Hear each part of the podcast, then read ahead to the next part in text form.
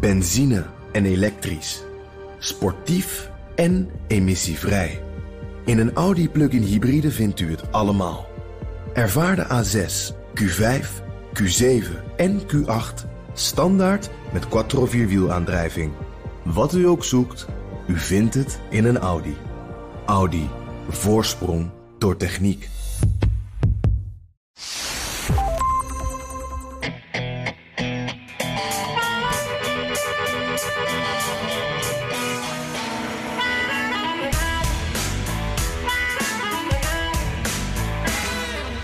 Trump heeft het slotoffensief van de verkiezingscampagne ingezet met het voornemen om, als het aan hem ligt, dag in dag uit van de ene rally naar de andere te vliegen. In de peilingen staat hij er niet best voor en dus zet hij alles op alles. This is the single most important election in the history of our country. Get out and vote, and I love you. Thank you. Thank you very much. Hij herstartte zijn campagne in Florida, vandaar dat ik daar nu ook ben. Dit is aflevering 45 van de Amerika-podcast. Mijn naam is Jan Posma met een kartonnen beker, ja, matige hotelkoffie, zullen we maar zeggen, in de ijskoude airco in het verder wel lekker warme Orlando. En ik ben Bernard Hammelburg met een suikervrije frisdrank van een bekend Amerikaans merk. In het Amsterdamse filiaal van Studio Hammelburg. Ja. ja. Ja, we gaan natuurlijk uitgebreid praten over uh, die bijeenkomst in Florida. En vooral ook wat je daar allemaal om je heen ziet. Ja, Heel leuk. belangrijk. Je zit veel om over te praten. Uh, eerst even dit. Uh, elke dag campagne, zegt Trump. Uh, het is dodelijk vermoeiend. Ook voor een jonge god zou het dat zijn. Ja. Kan die dit aan? En, en bovendien, de man heeft toch ook gewoon een baan. Hij is nog steeds president. Ja, precies. Ja, er moet ook nog een land geleid worden. En, en hij wil tot uh, 3 november dus elke dag op pad. Uh, elke dag ergens anders heen. En, en ook zijn adviseurs zijn daar niet helemaal gerust op. Uh, voor, voor wat je zegt, voor, voor een 74-jarige die helemaal gezond is, is dat al een heftig schema. Ik bedoel, zelfs de, de Rolling Stones pakken op hun leeftijd wel eens een rustdagje tussendoor. Hè? Maar Trump is ook net ziek geweest. En, en uh, toch ernstig genoeg om naar het ziekenhuis te moeten. Ernstig genoeg ook voor, voor de medicijnencocktail. Dat lichaam moet daar toch van herstellen. Dus er is ook wel wat speculatie of zijn uh, energie nu door die medicijnen zou komen. Of, of dat dat, uh, nou ja, of, of hij echt alweer helemaal uit zichzelf ook zoveel beter is. Nou ja, dat kunnen wij als niet-artsen op afstand natuurlijk niet inschatten. Maar dit worden heel intense weken voor Trump. En in het Witte Huis zelf, bij zijn eigen adviseurs, is daar dus ook wel, zijn er wel wat vraagtekens bij.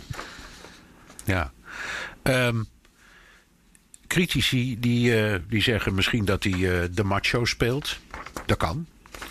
Um, en dat hij uh, wil laten zien tegenover zijn, zijn eigen kiezers van jongens, dit stelt allemaal niks voor. Dat kan ik ook wel.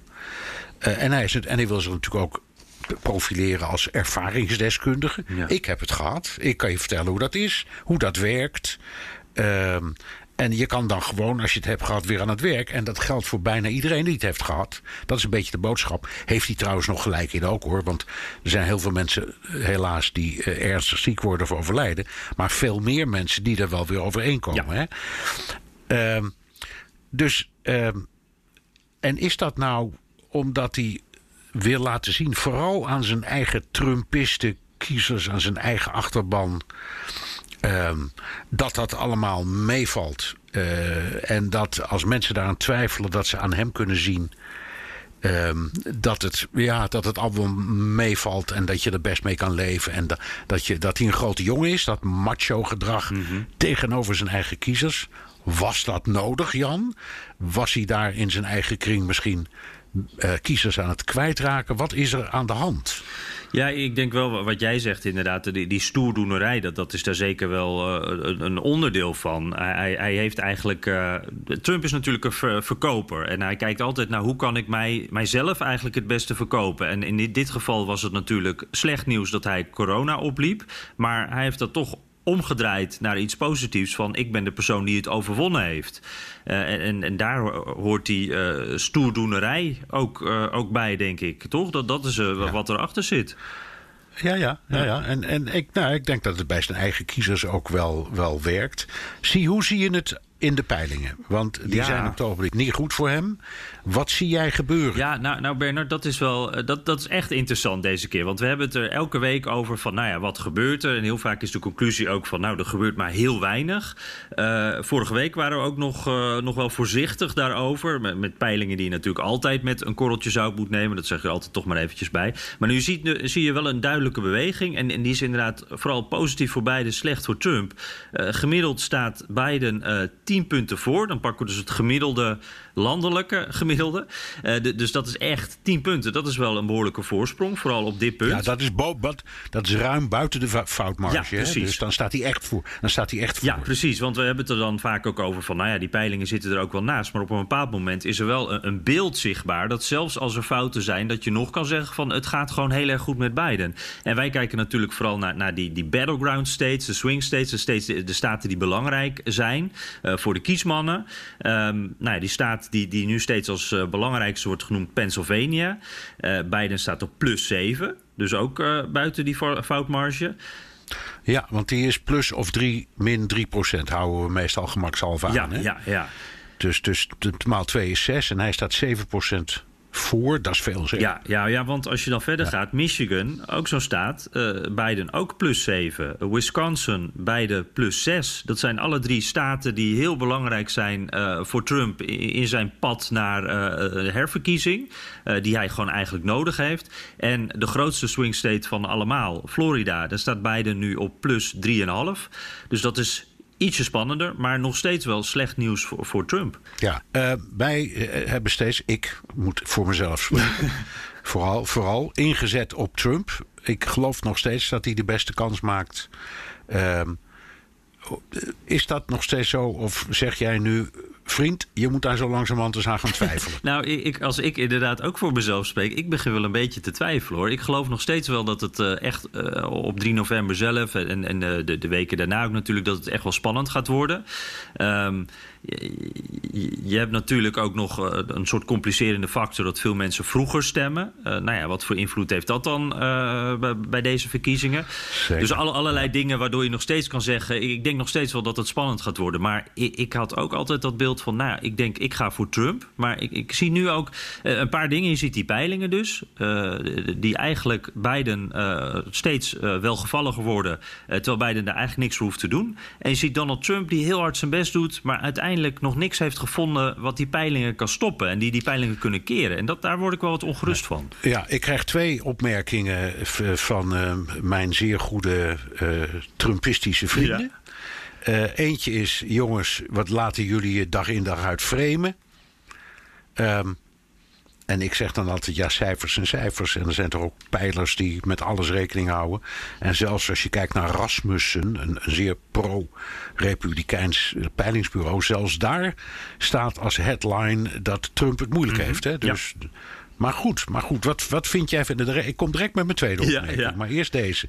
Fake media. Wat, wat, wat zeg jij dan tegen die goede Trumpistische vrienden van Ja, ja, ja, ja. Nee, ja, ik, ik, ik, ik snap wat ze, wat ze bedoelen. Want eh, Trump die zegt dat natuurlijk ook de hele tijd. Eh, maar eh, in die gedachtegang van Trump, da- da- dan, dan gaat het er altijd over dat die pijlers ook een agenda hebben. Eh, Trump zegt dat de media een agenda hebben. Die willen hem allemaal weg hebben. Die pijlers die willen hem ook allemaal weg hebben. En er wordt allemaal gelogen en samengespannen tegen hem. En dat geloof ik toch niet. Ik denk die peilingen, daar zijn echt problemen mee eh, qua kwaliteit. Want eh, nou, allerlei dingen, hè, mensen nemen de telefoon niet meer op. Eh, er zijn allerlei redenen waarom peilingen ernaast kunnen zitten. Maar dat complot, daar geloof ik niet in. Die peilers die willen wel zo goed mogelijk hun werk doen. Zoals wij dat ook willen doen. Dus eh, dat hele framen en, en fake polls, ja, da- daar geloof ik toch niet in. Oké, tweede opmerking die je krijgt. Ehm, ehm, j- jullie kijken niet goed naar wat er gebeurt. Trump trekt volle zalen met juichend publiek. En bij Biden komt anderhalve man en een paardenkop. En soms zelfs helemaal niemand. Ja. dus, dus hoezo die Biden is zo populair? Ja. Mijn, mijn antwoord is dan: ja, maar die, die, die rallies, daar moet je niet al te veel naar kijken. Dat zijn meer agendapunten, waardoor die campagne in zo'n staat zijn filmpjes kan loslaten en zijn commercials en allerlei andere, zijn, zijn sociale media campagne kan starten. Dus het doet er niet zo heel veel toe. Niettemin, ik vind het wel een goede opmerking hoor. Er wordt veel over gelachen dat je, dat je Biden uit een bus ziet stappen en er staat niemand. Ja, precies. Daar staat hij met zijn mondkapje. Ja, nee, inderdaad. Nee, en, en dit hoor ik ook heel vaak. En het is ook grappig, want uh, de, de Trump-rally, waar we het zo nog wel wat meer over gaan hebben, daar zei Trump dat ook weer. Van uh, ik geloof die peilingen niet. Dit is mijn echte peiling. Hier staat het helemaal vol met, met supporters. Dat zegt wat. En iedereen juichen natuurlijk. nou ja, er is natuurlijk iets geks aan de hand. Trump die gaat door met zijn, zijn evenementen. En daar komen mensen ook zonder enige angst voor corona komen daarop af. Biden die kiest ervoor om uh, corona-proof bijeenkomsten te houden. En dat is dan inderdaad met drie of vier mensen in een kringetje. Uh, een soort kringverjaardag in de tuin. Allemaal een mondkapje op. Nou, dat, dat komt natuurlijk, dat is een stuk minder uh, indrukwekkend. en Biden zegt van ja, dat doe ik vanwege corona. Maar wat natuurlijk wel zo is, dat enthousiasme, wat dus bij Trump heel zichtbaar is, dat zie je bij beiden niet. En, en ik merk wel dat dat een beetje een eigen leven gaat leiden. Misschien terecht, misschien niet, maar dat kunnen we niet goed inschatten. Uh, maar maar uh, die, die, die kleine bijeenkomsten van beiden, uh, daar wordt veel over gesproken. Van dat verschil, dat verschil in enthousiasme. Alleen wij kunnen dus, we hebben die peilingen, nou ja, die moet je dus met een korreltje zout nemen. En die bijeenkomsten, ja, daar heb je op dit moment bij beiden ook niet zoveel aan. Het is hetzelfde als met die bordjes langs de weg. Uh, ik zie veel minder nog steeds van Biden. Zegt dat nou iets? Ja, dat weten we eigenlijk pas achteraf, denk ik. Het, het, het, ik denk dat de, ja. de, de realiteit is dat we het op dit moment niet goed kunnen inschatten. Omdat die campagne van Biden in, de huiskamers is en niet daarbuiten. Ja. Ja, dus, dus de, de, je kunt zeggen, de democratische campagne is niet goed zichtbaar. Die van, die van de Republikeinen enorm. Ja. Maar, maar, maar de peilingen spreken het, die, dat tegen. En we moeten nog maar zien wat nu het beste signaal is. Hè, van ja, die, precies. En dat is best moeilijk. Want daar hebben die vrienden van ja. jou wel gelijk in. Uh, het, het, is heel moeilijk in te schatten hoe populair Biden is. En wij weten ook wel dat mensen uh, Biden niet op de manier vereren zoals ze Trump vereren. Zeg maar. De beide supporters nee. zijn veel meer ja. met het hoofd aan het denken, minder met gevoel. Ja. Eén dingetje nog, Jan. over Trump en zijn corona-affaire. Wij gingen het ziekenhuis in. Hij was echt doodziek, dat kon je zien. Ja. En hij hield zich groot, maar iedereen zag... nee, hij is echt niet lekker. Hè? Dat was, ja, dat was, was wel echt, duidelijk. Ja, ja. Dat was duidelijk. En, en na, nou, hij kwam er na vier dagen uit. En zei, ik ben een jonge god. Uh, dat, dat geloofden we niet helemaal. Maar inmiddels, nou, zeker naar wat jij vertelt, eigenlijk weer wel. Maar vier dagen ziekenhuis... dat kost in Amerika een ton. 25.000 dollar per dag. Met zo'n behandeling, met zulke ja, medicijnen. Ja. Maakt dat niet heel veel Amerikanen boos? Want die denken dan, potdomme zeg... Ik heb het in de familie of mijn schoonmoeder is ziek. Ik kan dat niet betalen. Ja, precies. Ja, nou, dat, dat gaat uh, grotendeels volgens mij langs uh, partijlijnen. Uh, als je democraten hoort, helemaal mensen, natuurlijk democraten met een, een persoonlijk verhaal zoals jij schetst. En die zijn hier boos over en, en ook verontwaardigd. Maar ik zie tegelijkertijd bij Republikeinen en ook wel bij sommige Democraten hoor. Dat, dat ze willen ook hun president bewonderen. Ook al is het in het geval van de Democraten nu dan even Trump. Maar uh, ze bewonderen Trump ook omdat hij dan met Air Force One aankomt vliegen voor een rally. Dat is de president, daar wil ik trots op kunnen zijn. En ik geloof dat dat, dat ook een beetje geldt voor veel mensen uh, voor, voor die ziekenhuisbehandeling. Van ja, maar natuurlijk, hij is de president. Hij moet het beste krijgen. Uh, ja. En, en ik, dat is wel iets raars. Ja, ja, dat, dat, is, is dat is waar. Maar tegelijkertijd denk ik dat wij als ja. Nederlanders toch wel hem eerder zouden denken van... wacht even, waarom is die, die man beter dan ik? Ja, ik weet niet. Als de koning ziek wordt, wil je ook dat hij uh, de beste behandeling krijgt. Denk ik. Hoor. Ja, ik ja dat is waar. Maar het ja. contrast is misschien wel groot. Hè? Ook juist omdat Trump ja. er zo over opschept. Maar goed. Uh, ja, we, moeten we het even over de, de Senaat hebben, Bernard. Ja. Ja, want uh, dat speelt ook nog een rolletje. Hè? En dat schiet er steeds bij in. Uh, we moeten het er echt even over gaan hebben. Want je, je, ja, je kunt zeggen, uh, in die presidentsrace is nu Rob of eronder. Maar uh, aan de andere kant, of, of op de achtergrond nu een beetje in de media... zijn ook die republikeinse partijbonzen nou, bang op dit moment dat ze uh, de meerderheid in de Senaat kwijtraken. Die Republikeinse senatoren die opgaan voor herverkiezingen, uh, die horen heel veel kritiek in hun thuisstaten op het gedrag van Trump, op, op hoe corona wordt behandeld. Uh, dus die zitten nu in een soort spagaat. Die, die waren trouw aan Trump, die hebben misschien wel op hem meegelift in 2016, blijven dus altijd een beetje dicht bij hem. Maar nu is hij wat minder populair. Wat moeten ze nu? Moeten ze trouw blijven en dan misschien hun zetel wel verliezen? Dat kan een gok zijn. Uh, ja, hoe, hoe, hoe, zit dat, uh, Bernard? Nou ja. Het, ik denk aan wat er heeft gespeeld in de race van Gore tegen Bush. Gore was vicepresident geweest onder Clinton en wilde niet Clinton inzetten voor zijn verkiezingscampagne, want daar kleefden nog te veel herinneringen van de Lewinsky-affaire aan. Hmm. Dus die heeft, die hij, heeft, hij heeft Clinton buitenspel gezet in die campagne. Wat ontzettend stom was, want daarmee had hij de beste, het beste campagnekanon wat je maar kon bedenken, heeft hij gewoon terzijde laten staan. Um, en, en, en ik denk ook, als je hierover praat, een beetje aan wat er nu gebeurt met die senatoren. Het is inderdaad een reuze gok om te zeggen: ik distancieer me van, van Trump, want ik denk aan mijn eigen senaatzetel. Aan de andere kant, je kunt geen betere campagnevoerder vinden dan Trump. Als die naar jouw staat komt om voor jouw campagne te voeren, dan gebeurt echt wat. Ja, precies. En je wilt Trump ook niet tegen je hebben. Want dan, dan, dan krijg je de aanvallen te verduren op Twitter. En dan gaat hij misschien wel achter iemand anders staan. En ja. uh, dat wil je ook niet. Nee. Nee. Dus ja. het is een, een lastig. Oké. Okay. Um, ja. Waar speelt het allemaal? Want, want ik dacht, tot nu toe dachten we steeds, nou ja, de, die, flauw om het zo te zeggen. Maar de Senaat is toch wel een gelopen race voor de Republikeinen. En nou plotseling niet meer. Dus waar, waar, waar spelen, spelen de problemen? Nou ja, er zijn echt wel wat uh, interessante plekken te noemen. Het is echt een rijtje eigenlijk. Je zou kunnen zeggen Arizona, Florida, Iowa, zelfs het conservatieve Iowa, Georgia. Het zijn, hele, Texas wordt wel genoemd. En, en, eentje die ik zelf heel interessant en, en ook wel, wel leuk vind, is South Carolina. Want daar zit iemand die, die, wij allemaal wel kennen, Lindsey Graham. Ja, ja de, echt een van de boegbeelden van de Republikeinen. Hè? En, en ook een, een golfbuddy van Trump. En, en, dat was iemand die in het begin tegen Trump inging. En nog wel eens wat kritisch is als het om buitenlandbeleid gaat. Maar uh, vooral eigenlijk uh, heel erg uh, hem steunt. Um, ja, en, en, en die wordt nu een beetje zenuwachtig. Want uh, die, die, die zie je nu regelmatig uh, klagend op tv. Dan gaat het over de ongelooflijke hoeveelheid geld die zijn tegenstander heeft binnengehaald. Bijvoorbeeld uh, Jamie Harrison, 57 miljoen dollar voor, voor een senaatsrace. Dat is echt... Wow ongekend. Hè? Dat is zoveel. Ja. En uh, ja, de, een mooie samenvatting van uh, senator uh, Ted Cruz... die kennen we ook natuurlijk allemaal uit Texas. ik denk dat we het Witte Huis en beide huizen in het congres kunnen verliezen. Dat zou een bloedbad worden van Watergate-proporties. Zo. Nou, dat, dat, uh, dat, daar spreekt wel wat uh, nou, angst, voorzichtigheid, hoe zou je het noemen? Uit, de, uit, uit, de mond van die man. Hè? Ja, precies, precies. Ja. Een cruise. Die, die ja. ook qua zelfvertrouwen, dat zit altijd wel goed natuurlijk. Maar die, die maakt zich ja. dus grote zorgen. En, en ja, de, de Watergate, de, daar, daar, in die tijd, in 74, toen na het aftreden van Nixon, hebben de Democraten flink gewonnen. En hij is dus bang dat er weer zo'n soort golf van Democraten gaat komen. Ja, en dan vallen allebei de huizen in, in, in democratische handen. Wow. Ja. ja. en dan gaat er echt wat gebeuren. Daar hadden we ook nog een leuke luister, luisteraarsvraag over trouwens van Remco de Vos. Um, die zegt uh, bedankt voor het beantwoorden van mijn vorige vraag een paar weken geleden. En hij raadt nog de, de podcast van PBS aan.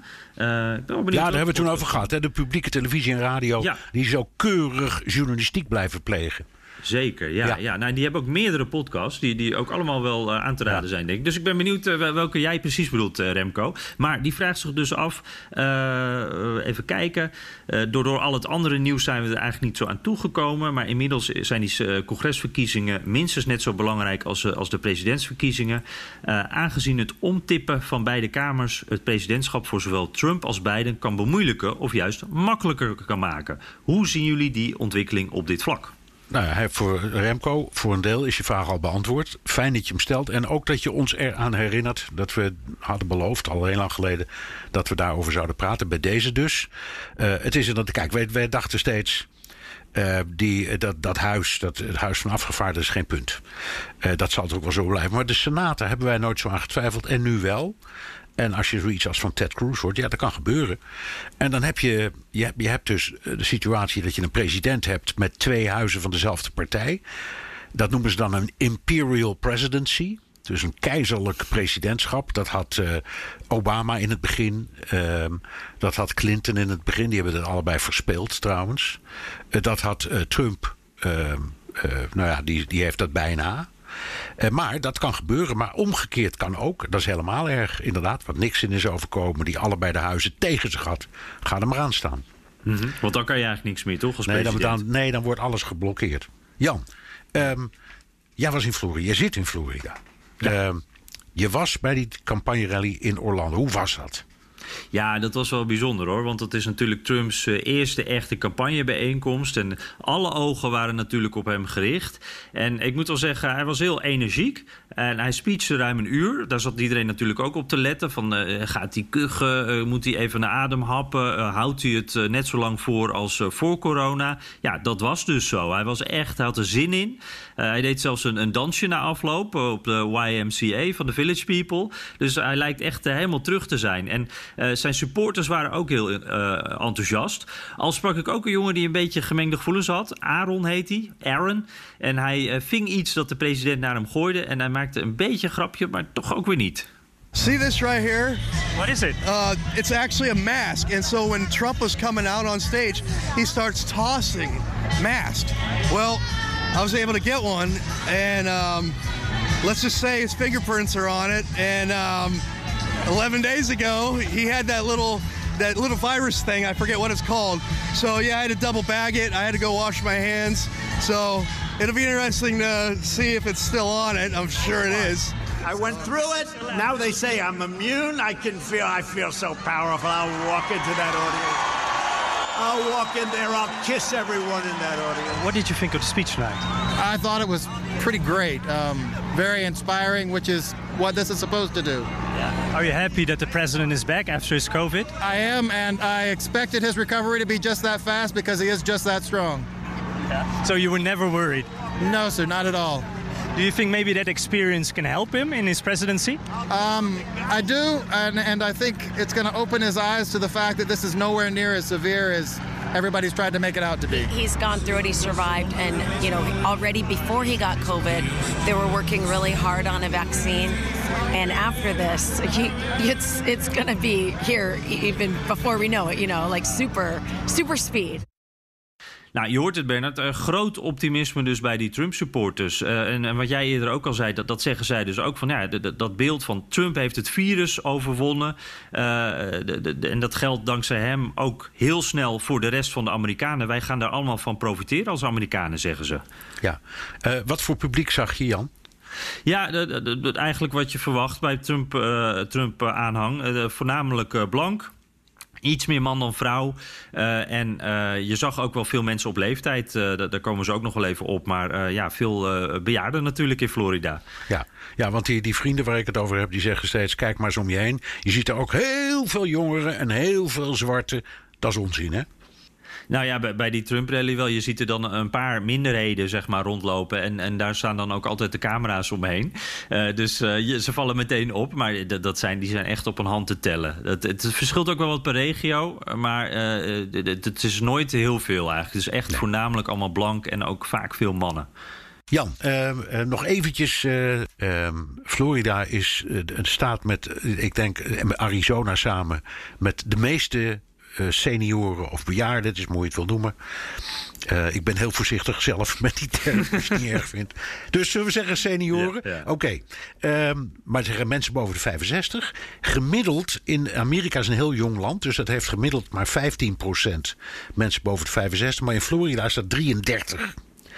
Dus in Florida zijn, en die zijn vaak, traditioneel zijn die, die ouderen vaak uh, democratisch. Um, in het zuiden van de staat zeker. In het noorden niet. Jij zat precies in het midden. Orlando, in het midden van de staat is dat. Hoe is het daar? En heb je daar, is daar een soort uh, gevecht om het geriatrische smaldeel bezig tussen de twee kandidaten om die bejaarden binnen ja, te halen? Ja, dat is, uh, dat is zeker zo. Dat is zeker zo. Uh, de, ik zie hier sowieso Orlando als stad is dan weer een beetje, dat is heel uitgestrekt. Hè? Dat is dan weer iets democratischer. Maar als je hier zo langs de weg kijkt, wat ik altijd doe natuurlijk, en de bordjes een beetje telt, dan is het echt een beetje half om half. En um, half Biden, half Trump.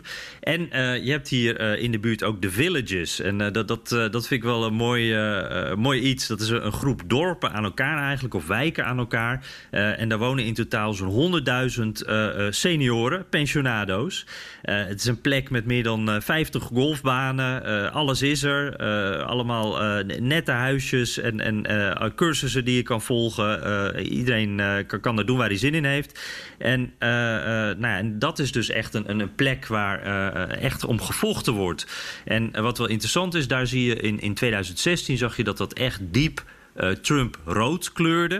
Dat was echt enorm uh, pro-Trump, die gemeenschap. En dat is nog steeds wel zo. Maar je ziet toch ook wel een beweging uh, komen naar meer pro-Biden. En dat er dus toch ja, wat meer steun is voor Biden. En dat, dat Trump hier een beetje aan het kwijtraken is. En dat is iets wat ik hier dus, daarvoor ben ik hier ook. Ik ben hier voor Trump, maar ook om dat eens te onderzoeken en te kijken hoe dat er dus voor staat hier.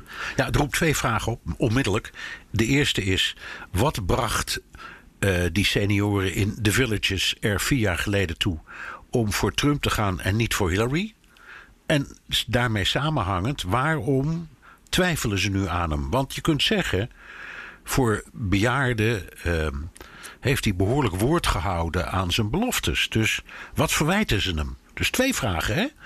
Wat vragen ze in hem en wat verwijten ze hem nu? Ja, uh, nou ja, ik, uh, die vragen moet ik ze nog gaan stellen. Uh, dus dat, dat, dat zal je even te goed van me moeten houden. Oké, okay. nou ja, ik ben er reuze benieuwd naar. Omdat het, het, het geeft, ja, jij zei straks in het eerste deel van de podcast al... Um, toen je het over die swing states had... Uh, Florida is uh, een hele spannende. En daar is, loopt Biden maar een stukje voor, iets van 3,5 procent. Dus dan begin je te tellen, ja, denken, ja, daar telt dus elke stem. Ja, nee, dat is absoluut waar. Uh, en, en, en dat is hier dus ook zo. Het, uh, dit, dit is een van de, de belangrijkste bevolkingsgroepen waar, waarbij beide partijen denken van hier valt wat te winnen, hier kunnen we wat aan doen. En ja, ik, ik, wat ik wel bij die Trump-rally bijvoorbeeld wel van, van ook, daar heb ik ook wel ouderen gesproken.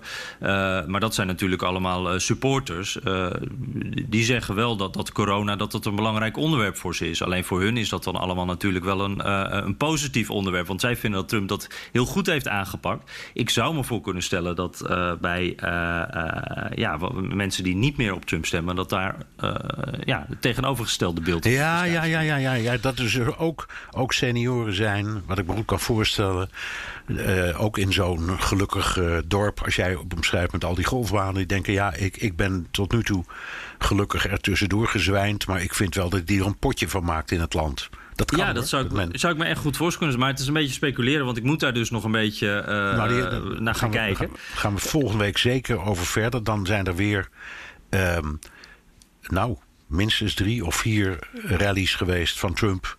Als, ja, hij, precies. als hij het volhoudt. Ja. Want dat, ja, hè, hij ging nu naar wat? Pennsylvania, geloof ik, Iowa. Nog eentje. Uh, North Carolina. North Carolina, achter elkaar door. Ja, precies. Dus dat wordt hard werken. Um, en Biden die doet het ongeveer hetzelfde, maar dan in stilte. Uh, het allemaal hartstikke spannend. Uh, wat ook spannend is, is die hele kwestie, Jan, over de debatten. Ja. Want uh, ja, dat, dat, eerste debat dat werd een drama vanwege het wonderlijke optreden van Trump. Dat, dat, dat, heeft, dat heeft hem eigenlijk niks opgeleverd. Hooguit woede, maar geen steun. Ehm, en het tweede debat, de vijftiende, dat gaat niet door omdat uh, ze wilden dat organiseren in, uh, online. Nou, dat voelde Trump niks voor, wat we ons best kunnen voorstellen. Uh, inmiddels reist hij weer gewoon. en, en ik had de indruk dat hij nog even heeft geprobeerd om, om Biden verdacht te maken van ja, die is nou de spelbreker. Maar dat is dan niet echt gelukt. Nou, dan houd je, houd je één debat over op de 22e. Is het nog steeds iets waarvan we moeten zeggen: ja, dat is toch het belangrijkste moment om die wijfelaars.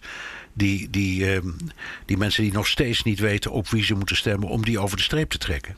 Ja, dat uh, zeker. Het is misschien wel het enige moment. Ik of er moet wat gebeuren natuurlijk. Dat kan altijd. Uh, Zo'n oktober surprise. Of uh, nou ja, we hebben er al meerdere gehad eigenlijk. Dus er kan zomaar wat gebeuren. Maar als je in de agenda kijkt, dan is dat, dat laatste debat. Dat is het moment waarop je in ieder geval nog. waar, waar een deel van twijfelend Amerika zal inschakelen. En waar je mensen buiten je eigen bubbel eigenlijk kan bereiken. Want ja, op dit moment, wat Trump vooral doet, is, is zijn eigen mensen aanspreken. Dat zal tijdens zo'n debat ook wel blijven doen. Maar nu kan hij in ieder geval nog uh, een, een, paar mensen buiten die bubbel bereiken. Dus ik denk dat dat wel, ja, dat wordt wel echt belangrijk. Wat, wat, denk jij? Nou, ik, ik zit ook steeds. Uh, langs die lijnen te denken. Omdat ik, ik denk dat heel veel wat hij nu doet en heeft gedaan. toch wel damage control is en was. Om, omdat er signalen waren dat hij ook in zijn eigen achterban. Uh, averij opliep. door uh, de coronakwestie. Uh, ook wel door dat rare debat. Uh, en dat hij dat nu probeert in te halen. Maar het, het gaat uiteindelijk om het wegsnoepen van wat is het? De stemmen in nog maar iets van 8% wijfelaars die hmm. er zijn. De rest weet al op wie die gaat stemmen. Of weet dat hij helemaal niet gaat stemmen, want zijn er ook een hoop. Um, en ik, ik denk dus dat, dat uh, ja, dat hij ook erg probeert in te zetten op bijvoorbeeld uh, pogingen om de minderheden erbij te halen. Jij had het erover dat op die, op die rallies van hem uh, de camera heel nadrukkelijk op die paar zwarte en Latino bezoekers wordt gezet. Uh, en ik, ik denk, nou ja, wat die Latino-stemmers betreft, daar heb ik ook de laatste dagen veel over gelezen. Uh, er zijn nog steeds heel veel Latino-stemmers die pro-Trump zijn.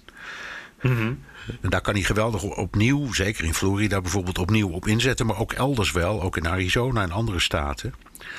Uh, en dat heeft ermee te maken dat heel veel Latino's zeggen: ja, we zijn het wel eens met zijn immigratiepolitiek. Want wij, brave burgers, hebben alles altijd volgens boekje gedaan. We zijn netjes geïmmigreerd. Officieel een groene kaart aangevraagd. Officieel genaturaliseerd. We betalen netjes belastingen. Uh, we hebben allemaal banen. Onze kinderen studeren.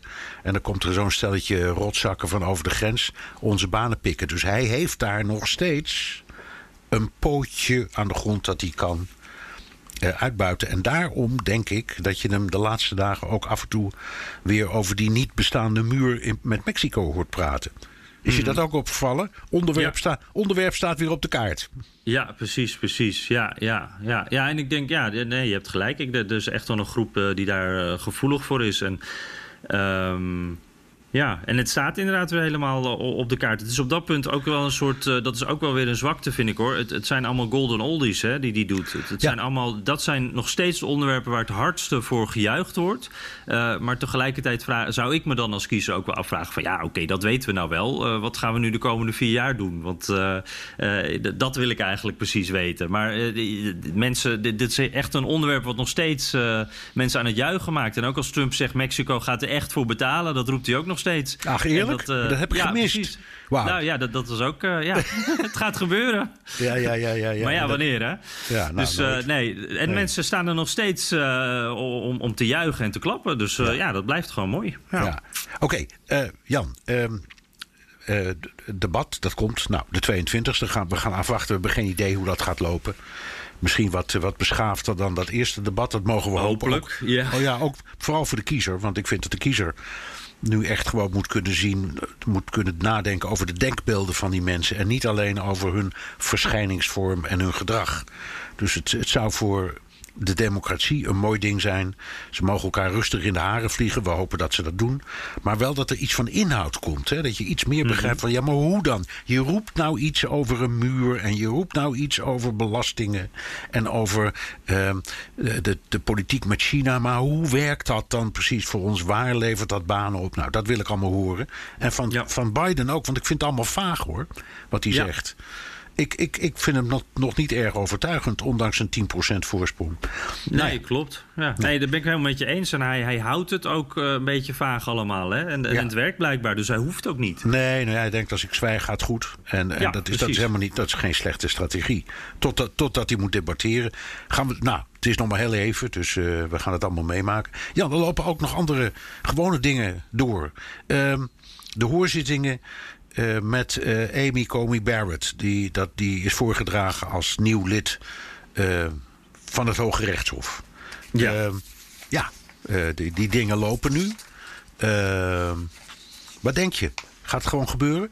Het gaat komen. Ja, dat, ja, ja, zeker. Dat gaat wel zeker gebeuren. Dat, denk dat, wel. zeggen, dat wil zeggen, de, de, de commissie Justitie die gaat natuurlijk ehm, die voordracht goedkeuren. Maar daarna moet het nog in de plenaire senaat. Heeft, heeft ze die ook binnen? Ja, denk ik wel hoor. Ja. Ja. volgens mij is dat dit zit zo eh, vast allebei aan beide kanten dat geen enkele eh, republikein tegen zal stemmen en dan is ze er gewoon. Ja, oké. dus dat, dat, dat, dat kan niemand meer tegenhouden. Vandaar ook merk ik steeds meer dat de Democraten niet inzetten daarop, maar op eh, belangrijke kwesties die voor dat Hof komen, waarschijnlijk zoals Obamacare en misschien ook abortus. Dat ze dus daarmee stemming proberen te maken, maar niet meer met. Met, met pogingen om te zeggen: ja, eigenlijk is het niet eerlijk. En we worden Ja. bij. we- Hè, dat hebben ze opgegeven, hè, die strijd. Ja, ja, ik denk ook dat ze. En, en ook terecht, want dit, dit is natuurlijk ook gewoon volgens de regels. Het mag zo. Het is misschien niet zo netjes van de Republikeinen. als je kijkt naar hoe ze eh Merrick Garland, die die rechten van Obama toen hebben laten sneuvelen. Maar dit is nou eenmaal wat het is. Eh, de- de- ze hebben niet die meerderheid in de Senaat, dus ze kunnen er gewoon niks aan doen. Eh, de- dus het is denk ik ook goed dat ze dat wat laten, laten vallen. Eh, en eh, ik denk dat ze ook nog wel eh, Brad Kavanaugh, die, die benoeming, een beetje voelen. En dat ze ook bang zijn om, om dus te hard hier tegen in te gaan. Omdat ze ook wel de politieke prijs daarvan gaan voelen. En die, die verkiezingen tellen dan mee. Ja, want die Brad Kavanaugh die is helemaal onderuit gehaald. Onder, over, over een niet bewijsbare aantijging dat hij misschien iets had gedaan met een meisje dat niet netjes was. Lang en verder, geleden, ja. en verder ging het helemaal niet. Dus ja, ik, bedoel, ik, ik, ik, ik maak het niet kleiner dan het is. Maar het, het uiteindelijk, uiteindelijk vielen de Democraten in hun eigen zwaard.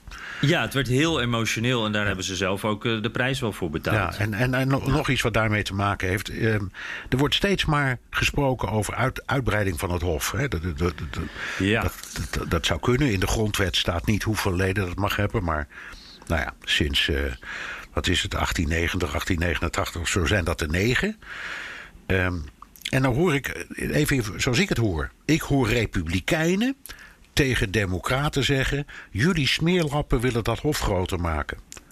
en dat gaan wij tegenhouden. Maar ik, Ja. hoor, ik hoor het de democraten zelf niet zeggen. Nee, nee, daar heb je wel gelijk in. En, en Ja. Joe zegt al helemaal geen woord erover. Die wil er niet over praten. Hoe, wat, wat gebeurt hier? Ja, nou ja, ik, dit is ook een politiek spelletje natuurlijk. Wat door die Republikeinen wel slim gespeeld wordt. Want eh, die Republikeinen weten dat er een, een, eh, de, de linkse kant van de Democratische Partij, die linkervleugel, daar is natuurlijk echt wel wat, wat woede, frustratie. Eh, daar proberen zij op in te spelen. Door steeds dat, dat packing the court heet dat dan. Om dat steeds naar voren te brengen als een optie. Alleen, Joe Biden die wil daar natuurlijk niet op ingaan. Want die wil, eh, dus die zegt van eh, daar, eh, dat hoor je pas als ik gekozen ben. Daar ga ik geen uitspraken over doen. Want als hij nu zegt ja, dat ga ik doen, dan geeft hij munitie aan de Republikeinen. Maar op het moment dat hij zegt nee, dat ga ik niet doen, dan maakt hij misschien die linkervleugel wel een beetje boos. Dus het is slim dat die Republikeinen dat steeds, steeds weer opbrengen. Want dit is potentieel, zou dit een conflict kunnen zijn. Maar het, ik, ja, ik, ik, ik, zie het. Het is zo. eh, Dan is het hek van de dam hè, als je dat doet. Als de Democraten dat doen, kunnen de Republikeinen dat na, daarna ook doen. En dan eindigen we straks dat iedereen op dat Hoogrechtshof eh, zit. Dus ik, ik denk ook niet dat het gaat gebeuren. Wat, wat denk jij? Eh, ik denk ook dat het niet gaat gebeuren. Want het is in niemands belang om het te doen uiteindelijk. Nee, precies. En, op- en je, moet, je moet altijd op hele lange termijn denken, zeker bij het Hof. Ooit gaan er ook weer conservatieven met pensioen, of die sterven, of die, die willen eruit. Ik bedoel, Het gaat ooit weer gebeuren. En ooit krijgt een democraat weer de kans om het wat verder naar links te trekken. Eh, het hoort bij het Amerikaanse systeem en je moet het ook niet te veel willen verstoren. En wat ik nog belangrijker vind, we hebben het, daar hebben we het al eerder over gehad, hè? we hebben het steeds maar over een paar dingen. Abortus, Obamacare, homohuwelijk, ik weet niet, van dat soort dingen. Net alsof dat Hof niet belangrijker dingen aan het hoofd heeft. Die moeten over heel veel hele belangrijke eh, kwesties vonnissen. En vaak is dat helemaal niet politiek. Dus we moeten het ook niet overdrijven. Het is niet zo.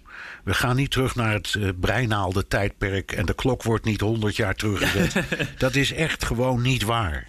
Maar, maar Bernard, uh, Obamacare, uh, homohuwelijk, abortus, dat zijn toch ook grote onderwerpen? Zeker. Alleen er staat in de eerste plaats staat nergens dat het Hof al die dingen nu wil, gaat afschieten. Dat weten we helemaal niet. Um, en ik, nee, ik zeg zeker niet dat het geen grote onderwerpen zijn. Maar er zijn nog heel veel andere. Dus Zo'n hof neemt per jaar uh, nou, vele tientallen kwesties uh, uh, door. Hè. Moet ja, ja. En dat zijn vaak maatschappelijk hele belangrijke dingen. Ja, in, in de praktijk zijn ze echt niet alleen met deze drie nee, onderwerpen precies. bezig. Ze, zijn ook, bezig, ze ja. zijn ook bezig met het, het helpen van staten in ingewikkelde rechtskwesties. Waar, waar, waar moeilijke, soms ook strafzaken en soms ook civiele zaken vastlopen. En dan wordt er als het ware geschreeuwd om een oordeel van het Hoge Rechtshof. Hoe komen we hieruit? Dus ze doen heel veel gewoon mooi juridisch werk. Ja, en wat het aantal rechters betreft, als je naar de Nederlandse Raad van State kijkt. Ik weet niet hoe dat zit. Ik geloof uh, tien vasten en nog eens vijf, 15 of 25 vasten uh, in een andere kamer. En dan honderden, uh, alle mogelijke juristen die daar ook los rondlopen.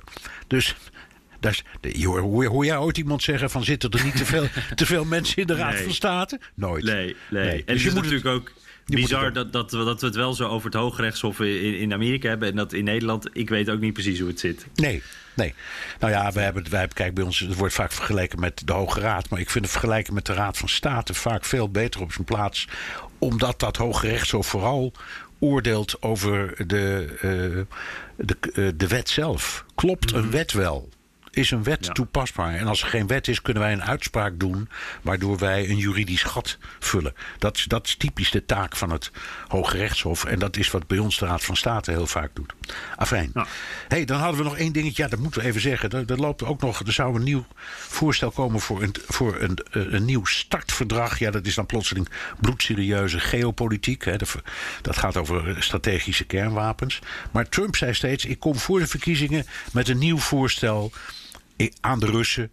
Ehm, en wat hem betreft ook aan de Chinezen, die hij er graag in wil betrekken. Komt dat voorstel er?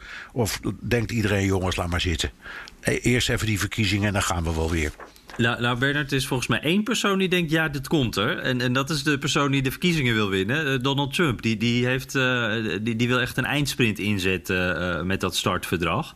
En, en die wil het dus voor die tijd nog snel regelen, zodat hij een, ja, weer, weer, weer een, een, een moment heeft waarop hij even kan laten zien dat hij als president iets uitonderhandeld heeft. Ja.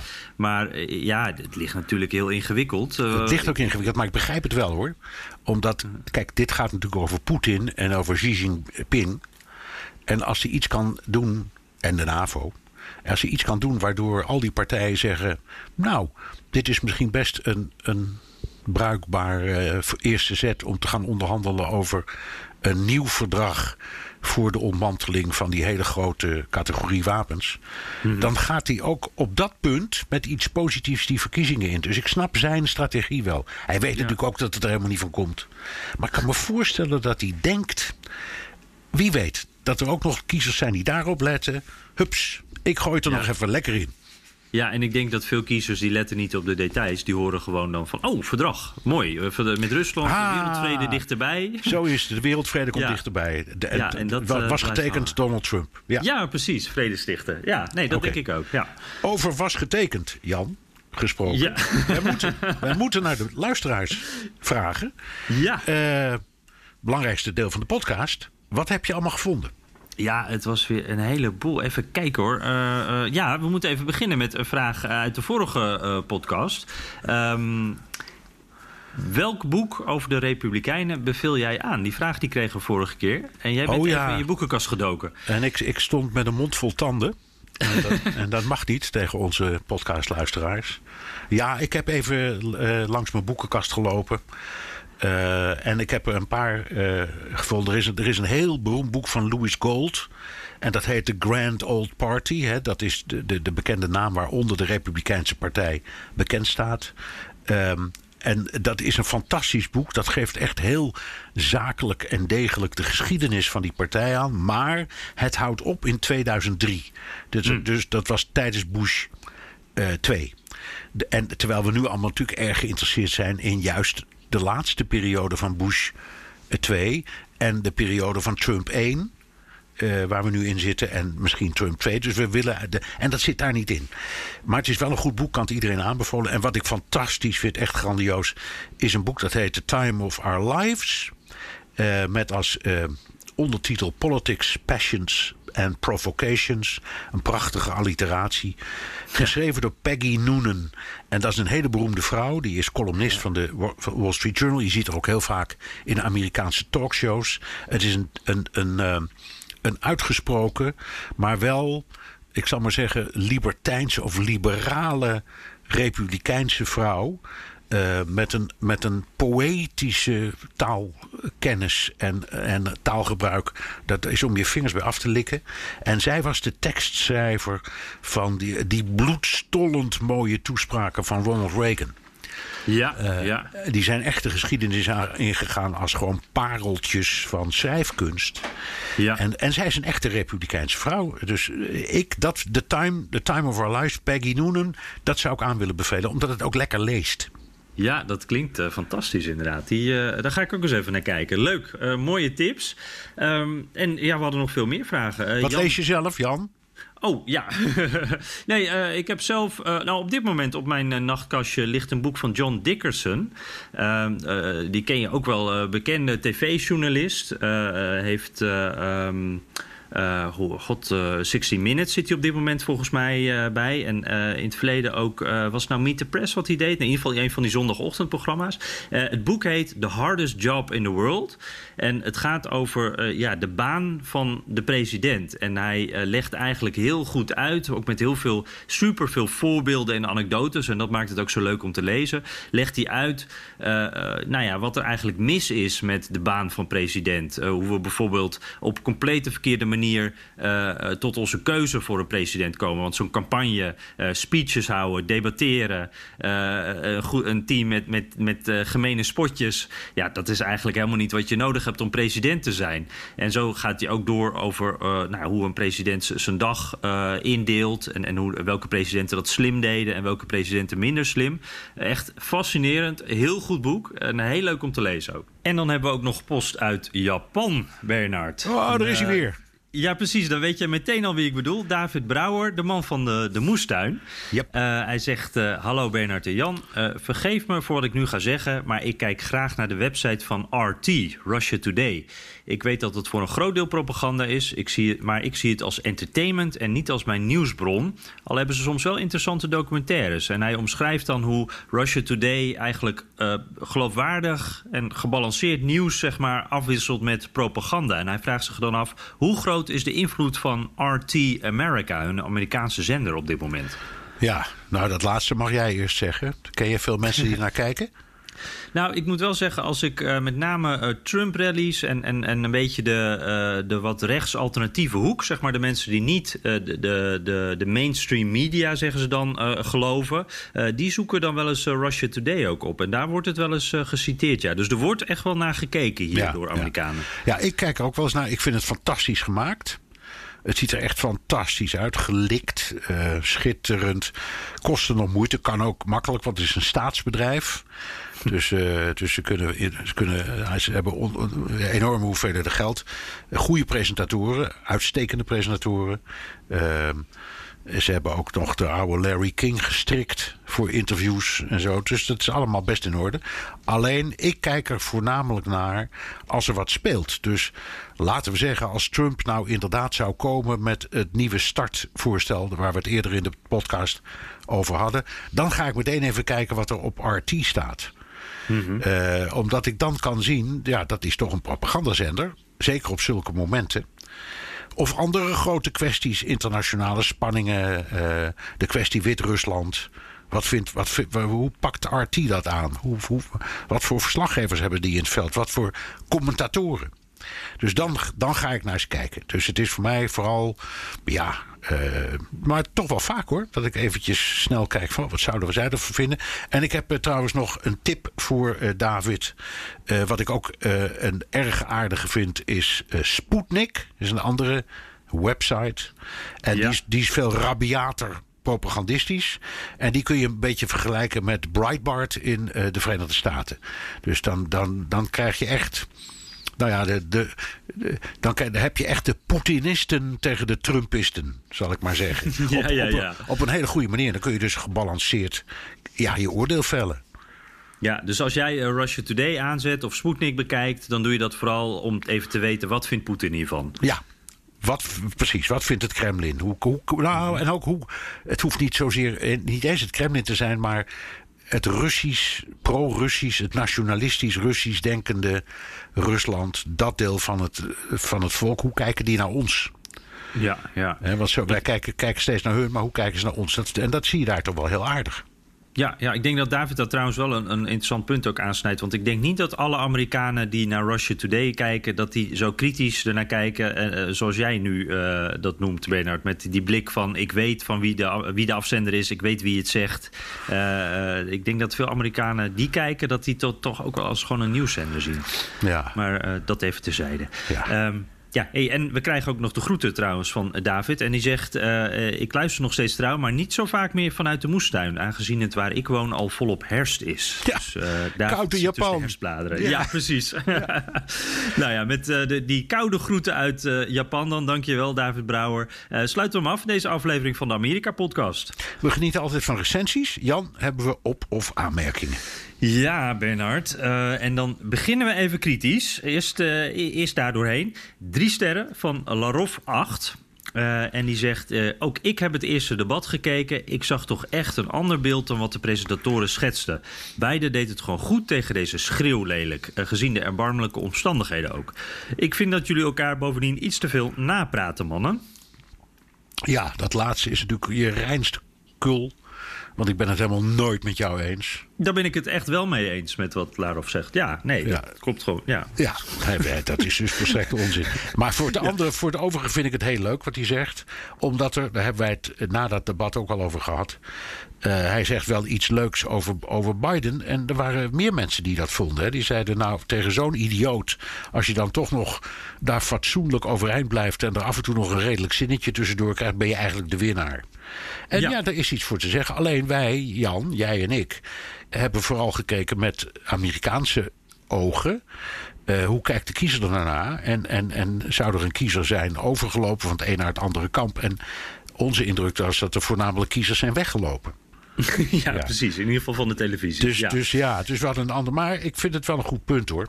En, eh, Ja. Zeg, Larof, zou die voor RT werken? Of is dat een Ja, nou, dat mag Larof de volgende keer dan nog even naar ons sturen, die onthulling. Ja. Eh, we krijgen vijf sterren. Eh Latravia, eh goede inhoudelijke podcast. Ze halen het beste in elkaar naar boven in gesprekken. Nou, dat is mooi. Vindt het erg interessant en luistert ook nog ontspannen weg.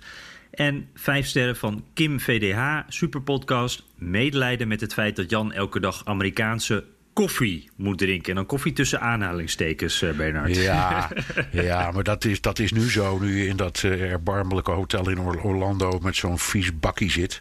Maar ik neem aan dat normaal thuis aan de keukentafel in Washington zit daar lekkere koffie, toch? Jazeker, dat smaakt het een stuk beter hoor. En ik moet zeggen, ik eh, heb dan hier vieze koffie in Orlando, maar het is hier 30 graden en de zon schijnt. Dus ik, Ja. eh, ik klaag Dus niet, Bernard. Wie doet je wat? Oké. Ja. Terugluisteren kan via de BNR-site, Apple Podcast en Spotify. Heb je vragen, opmerkingen, kritiek, complimenten? Dat kan ook met een tweet naar Jan Postma USA of BNR De Wereld. Of heel ouderwets met een mailtje naar dewereld.bnr.nl. Ja, en laat ook even aan ons weten hoe je naar ons luistert en waar. Dat vinden we altijd leuk. En eh, als je nog even een momentje over hebt, stem dan ook even op ons eh, voor de Podcast Awards. We hebben wel wat stemmen binnen, maar we kunnen echt nog wel wat meer gebruiken. Eh, dus zeer welkom. We horen het graag van je. En voor nu zeg ik dan dank voor het luisteren en tot volgende week, tot woensdag.